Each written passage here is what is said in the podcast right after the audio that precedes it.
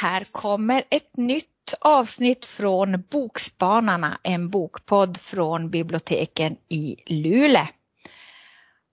Och idag poddar Agneta. Magnus. Och Helen.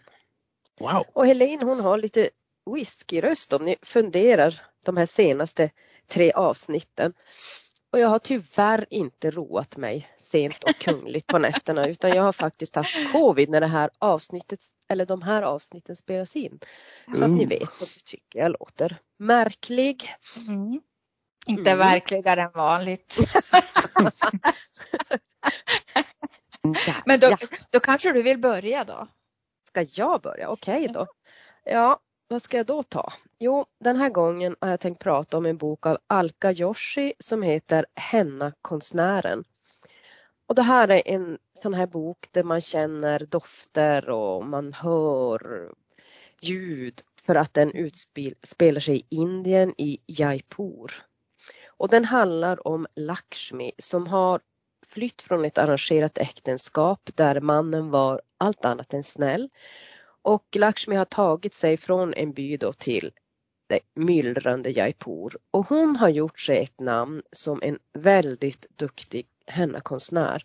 Så hon jobbar hos rika kvinnor och har ett gott namn. Och hon har börjat samla ihop pengar för hon vill bygga sig ett litet hus själv.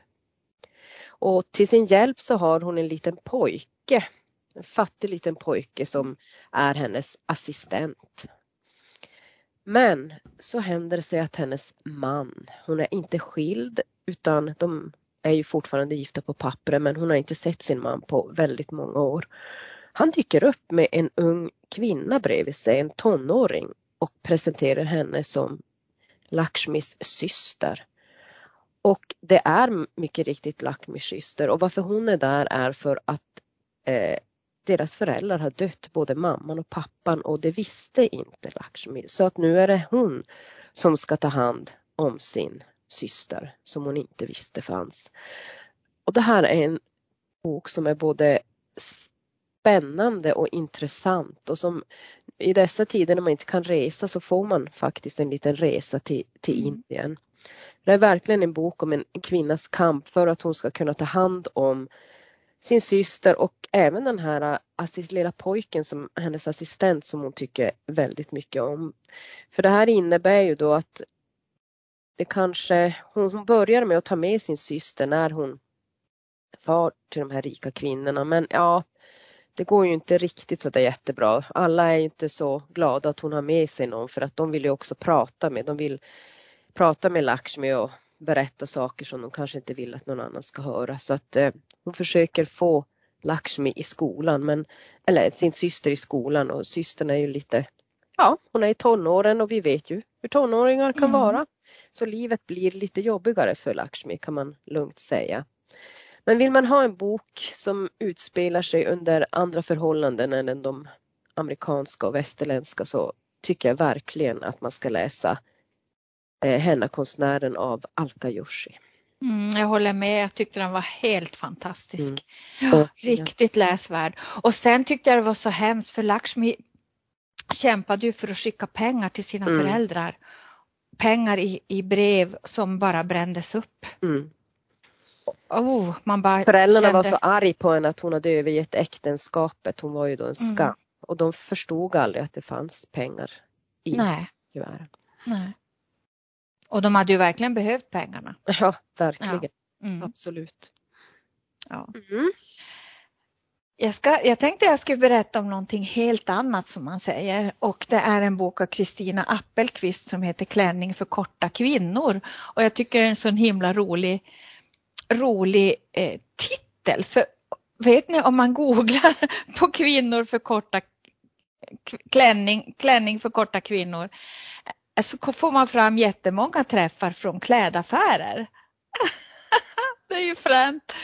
Kristina Appelqvist hon har ju tidigare skrivit en hel jättebra serie om, om Helena Waller som man mycket väl också kan läsa.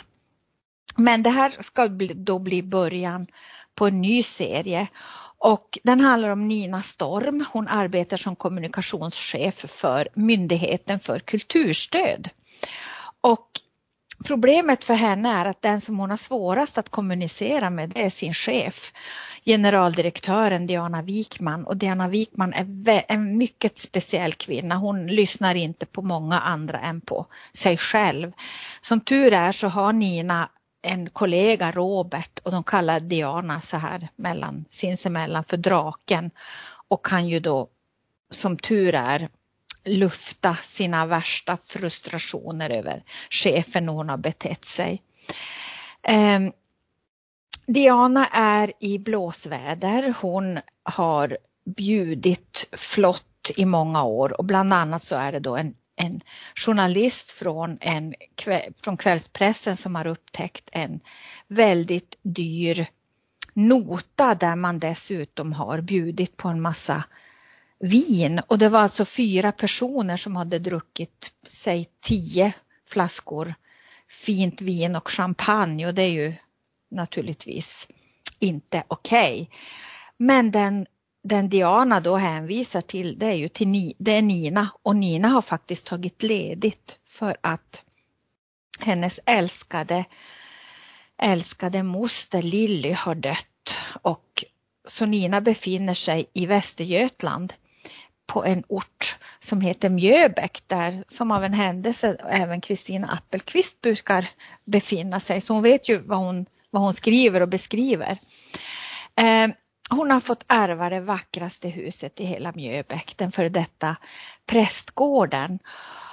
Och hon är fortfarande väldigt chockad av det här dödsfallet och hon har två bröder och de har inte fått ärva någonting. Så att hon är också lite orolig för vad de ska säga om, om det här att hon har fått ärva det här fina huset. Och för henne är ju huset mycket värt men på pappret är ju ett, ett hus, hur vackert det än är, i, så är det inte så mycket värt i Mjöbäck. Man får inte så mycket, många miljoner för det än, som om det hade legat i, i Stockholmstrakten till exempel. Men Nina är ju tvungen att, att åka dit och fundera både vad hon ska göra med huset och så ta rätt på lite grejer. Och, eh, mostern har, haft en, har en väninna som har vattnat blommorna och skött om lite grann så att det är fortfarande väldigt fint. Det är precis som att mostern bara har gått ut och, och lämnat. Vad hon upptäcker på kvällen när hon ska gå och lägga sig det är att en dörr har stått öppen, alltså olåst.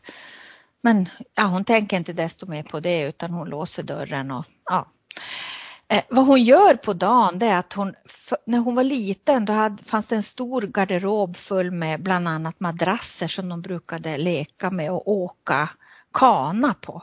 Så att i ett anfall av nostalgi så går hon in i den här stora garderoben för att än en gång åka på de här madrasserna. Och där hittar hon en kartong. Och det är klart, hittar man en kartong så blir man ju lite nyfiken. En kartong igen? En kartong igen! Ja men vad är detta med kartonger? Ja, och ändå är jag ju ingen katt. För det vet ju alla som har katter att de gillar kartonger. I alla fall så är det här en kartong, den är lite trasig. Eh, men hon ser att den innehåller massor med pengar. Och när hon har räknat de här pengarna och lagt ut allting och, och räknat så inser hon att hon, hon, hennes moster har en kartong i en garderob. En kartong som innehåller tre miljoner kronor. Och hon har ingen aning om vars pengarna kommer ifrån och vad mostern hade tänkt använda de här pengarna till. Men ja, hon måste ju ta med sig kartongen. Hon kan ju inte, hon kan ju inte bara lämna den i huset. Och den här historien med kartongen, det ska inte avslöja någonting men det är en helt otroligt dråplig historia som lätt hade kunnat, det hade lätt kunnat gå överstyr men det, det blir jäsans bra alltså. Eh, och det här var ju en riktig bladvändare. Eh, jag är så glad över att det här är första boken i serien om Nina och Diana för att jag kände ju när jag hade läst den att nej men Jesus, inte får det sluta så här. Jag vill ju ha mer. Mycket, mycket, mycket, mycket mer.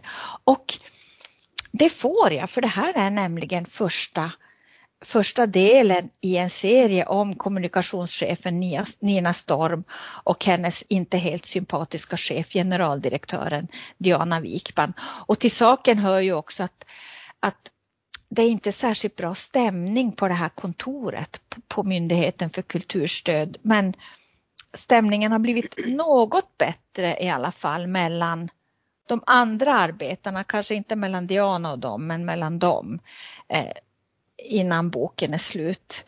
Ja, så det är en riktig, en riktig pärla.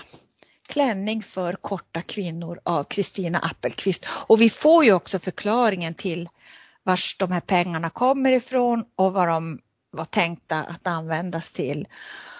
Och varför boken heter Klänning för korta kvinnor. Alltså, jag, måste få, alltså, jag måste få sticka emellan. Sa du att det var en moster Lilly som hade dött? Ja. Ja, men då, då, måste ni, då ska jag fråga, vem har skrivit det här som bara dök upp i mitt huvud? Ta ett bloss för moster Lilly, ett halsbloss och ett glas rött. Ett bloss för moster Lilly, för moster Lilly har dött. Vem skrev ja, det? Det låter som Kristina Lugn. Nej, Nähä. men en annan, en favorit, Bodil Malmsten. Jaha, ja, ja. ja. Det bara ja. när du sa det, om moster Lilly har dött, då kom bara den resten för mig. Så är hjärnan. Men nu ska Magnus äntligen få ett ord med i den här. Ja. Och jag ska inte prata om några kartonger utan däremot så förekommer, förekommer en container i den okay. boken. Ja men det är nästan. Det är nästan. Det är en stor kartong. Och det är inte vilken container som helst utan det är en gul. Och den står i Norrtäljes hamn. Och ut ur den så läcker det ondska. Oh, som far ut efter Norrtäljefloden och sprider kaos. Och boken som jag ska prata om då, den heter ju Vänligheten av ah. John Ajvide Lindqvist. Mm. Och här måste jag erkänna, jag var på väg att missa den här. Jag älskar John Ajvide Lindqvist men just den här fick ganska dåliga recensioner i Aftonbladet. Och då tänkte jag sådär, okej okay då, alla författare fikar någon gång. Och man kan inte lita på Aftonbladet. För eh, det är en tegelstensbok, den är 800 sidor. Eh, och jag har väldigt svårt att på något sätt sammanfatta min upplevelse av den. Men eh, vad John Ajvide eh, Lindqvist har gjort det är att han på något sätt har tagit en samling med ganska ordinära polaroidfotografier av svenskhet. Man kan tänka bowlinghallen, eh, shoppingcentret och Pokémon, alltså folk som spelar Pokémon tillsammans. Och framförallt en 11-årings eh, fixering vid Nintendo.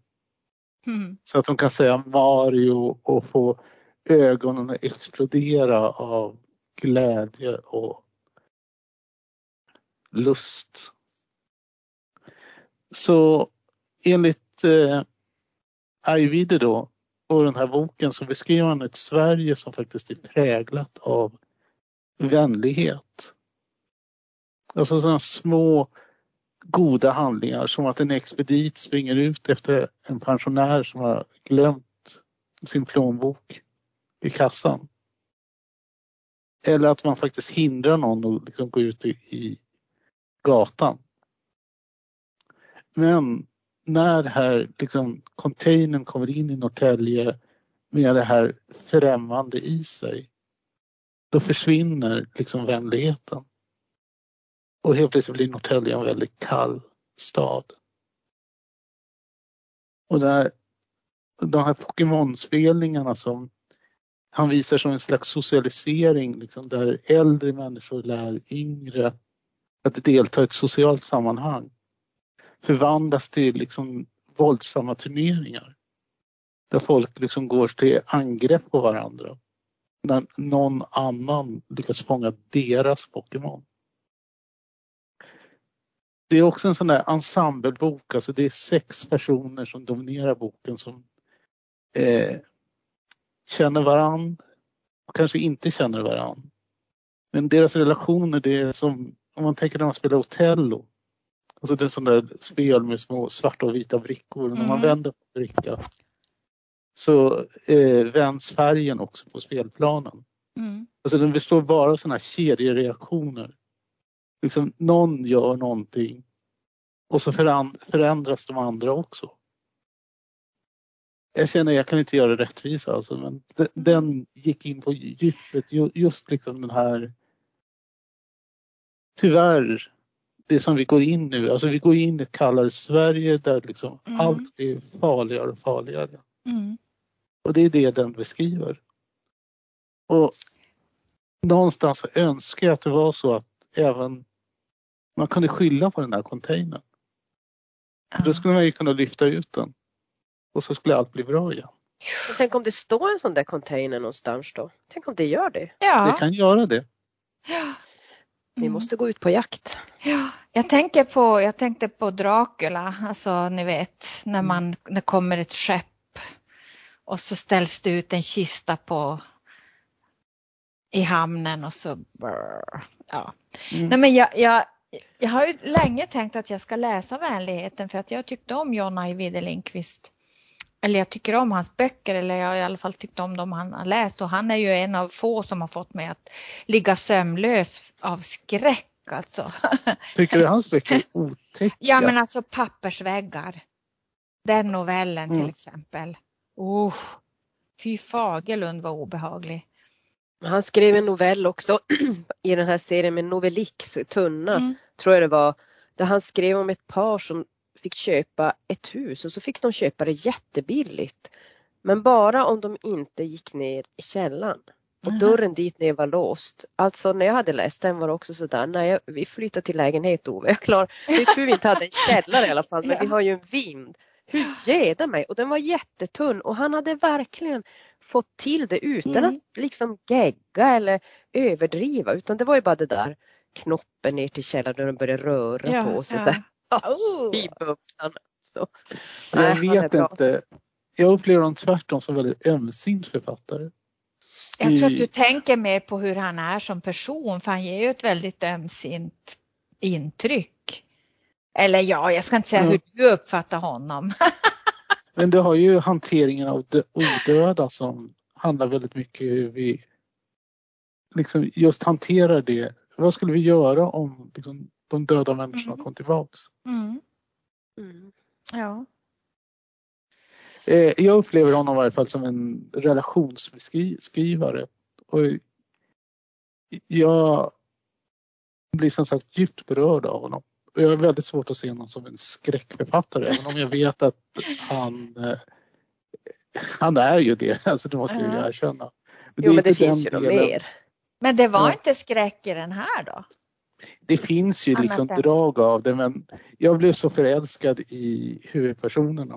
Ja. Och liksom det här märkliga Jag kanske måste läsa den då. Som förekommer. Ja.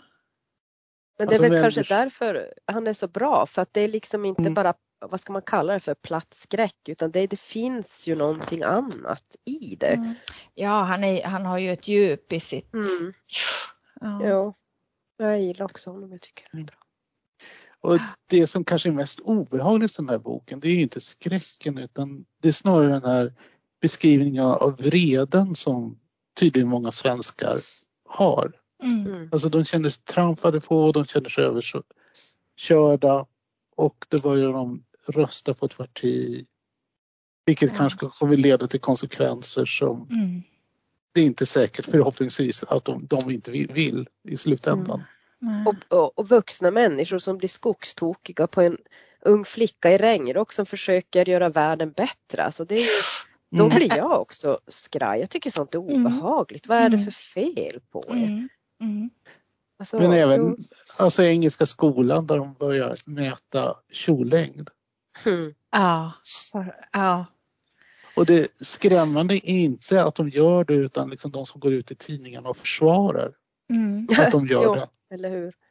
Som mm. skriver att det är bra, att det är liksom något som unga kvinnor behöver. Mm.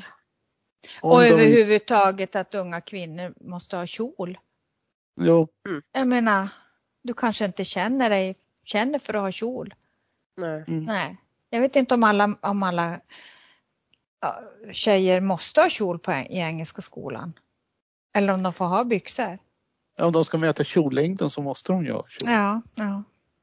Det låter ja. lite som, jag såg i den här serien Sex Education när de fick en ny rektor på skolan där, där hon började, de skulle gå i ett led och flickor, alla, alltså det skulle vara tjejtoor och killtoor och de rev det enda omklädningsrummet där, där alla som kunde byta om oavsett kön och hur de kände sig i sitt kön. Mm. Ja. Så har ni inte sett den serien, om vi nu ska prata serie, det kan vi göra någon annan gång, men Sex Education, den är riktigt bra. Mm. Ja. ja. Det var det. Vad har vi pratat om för någonting egentligen ja. idag? Jag pratade om eh, Klänning för korta kvinnor av Kristina Appelqvist. Och det är ju alltså en, en, en spänningsroman med en lite mjukare spänningsroman kan man väl säga. Fast det förekommer ju död i den. Mm. Ja. ja, och jag pratade om Alka Joshis Hennakonstnären. Och jag pratade om Vänligheten av Johan Ajvide Lindqvist. Och den är inte hemsk alls utan jag vill bara krama den. Den är vänlig. Mm. Den är vänlig.